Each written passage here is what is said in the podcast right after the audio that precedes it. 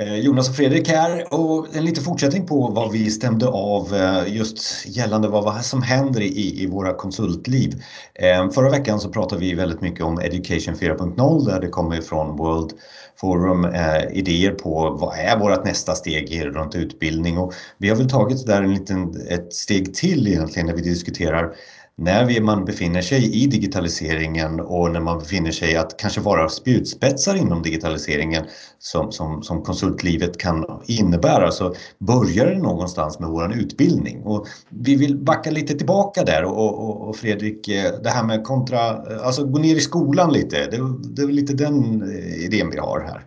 Ja, jag tycker det är jätteintressant det här. För att, för att när, när vi, vi, vi pratar med konsulter som, som, som kanske eh, har, inte så, har så många år på nacken så, så, så är de ofta så, men vad är, vad är rätt och vad är fel och vilken väg ska jag ta?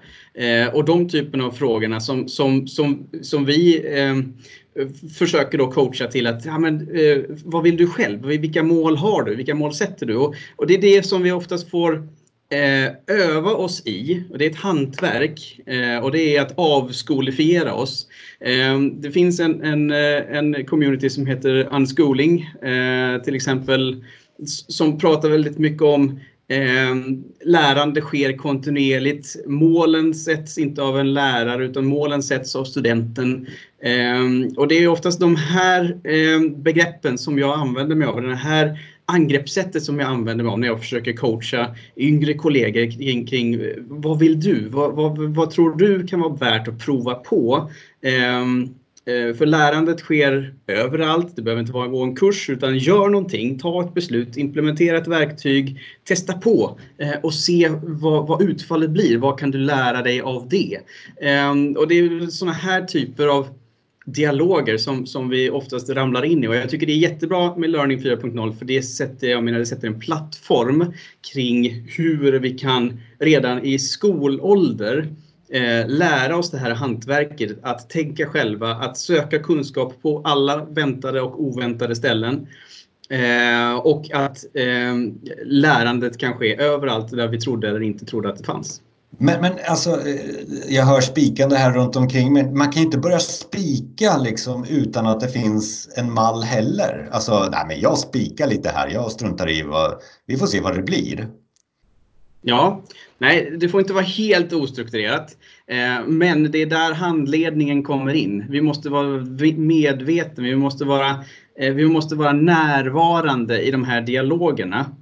Eh, och, och, hela tiden coacha människor att, att eh, eh, tipsa dem kring var de kan börja leta någonstans och försöka ställa de här vägledande frågorna så att de själva förstår vad det är de, de faktiskt eh, är intresserade av att vilja gräva vidare inom. Och här är det ju så att i de utvecklingsmetoderna som vi jobbar så är det ju iterativ process väldigt mycket. Mm. Eh, och det kanske inte är bara att du ska liksom chansa hela tiden men du är hela tiden on the edge. Alltså eh, du tar in åsikter från andra, du får redovisa åsikter för andra vilket innebär att du hela tiden förändras och förbättras dag för dag. Och det är kanske det eh, man pratar om här också om man ska börja någonstans från skolåldern som du visade en slide på just. Mm. Absolut, livet handlar om att, att hela tiden utveckla sig. Eh, inte bara utveckla de systemen som vi utvecklar utan utveckla sig själv också. Vara öppen för ny kunskap, öppen för nya lärdomar och nyfiken. Eh, jag brukar också prata om det, det är väsentligt för en, för en testare att, att um, kontinuerligt känna nyfikenheten. Jag vill veta mer. Um, och det är det som vi också uh, övar våra utvecklare eller Scrum Masters eller vilka nu vi jobbar med i den här metodiken att, att, att utbyta frustrationen mot nyfikenhet. Varför blir det så här hela tiden? Uh, vad kan vi göra för att det ska bli bättre så att vi undviker de här problematiken istället? Nyfikenhet måste nog vara ordet, i alla fall för mig under det här året som kommer. Just att kunna testa och, och vara nyfiken på framtiden men också nyfiken på vad, vad händer idag också eh, runt det arbetet jag har och kanske också ta med gårdagen och få ha en förståelse för gårdagen. Men att nyfikenheten är det som gör att man kan skapa värde också. Eh, det är någonting som jag pratar väldigt mycket om i, i, i vår organisation om då. Eh, eh, men jag träffade också i, i veckan för att bygga på lite med det här med skolan. Jag träffade eh, studenter, högskolestudenter, universitetsstudenter sista halvåret eller någonting. Och man blir ju sådär eh, gammal i gamet och känner att eh, de frågorna man får handlar ju väldigt mycket om vad ska jag välja, vad ska jag göra för någonting? Och man vill ju oftast bygga på det som man har lärt sig från skolan, det förstår jag ju. Men det handlar ju väldigt mycket om vem har du som närmaste coachchef? Alltså vem, vem, vem är det, kommer du träffa där som kommer vara den som brygger, brygger vidare det du har jobbat på? Eh, skolmässigt och du kanske inte känner ditt eget varför. Lära dig ditt eget varför. För sen så är det nästföljande då. Vad är ditt uppdrag på, på den här arbetsgivaren? Mm. Eh, om det är konsult eller om det är någonting, något bolag som gör en produkt eller något sånt där. Eh, det är nummer två. Nummer tre är ju sen, vad, vad kan du utveckla själv också? Mm. Eh, eller vilka möjligheter finns det för dig eh, att utveckla dig? Och sen fyra är ju då form av ersättning runt omkring det här. Eh, mm. och det, visst, lön är en del, men, men, det kan vara andra saker också så att man får en totalbild. Och det är oftast den ordningen, det är de fyra, det är den topplistan mm. som vi ser.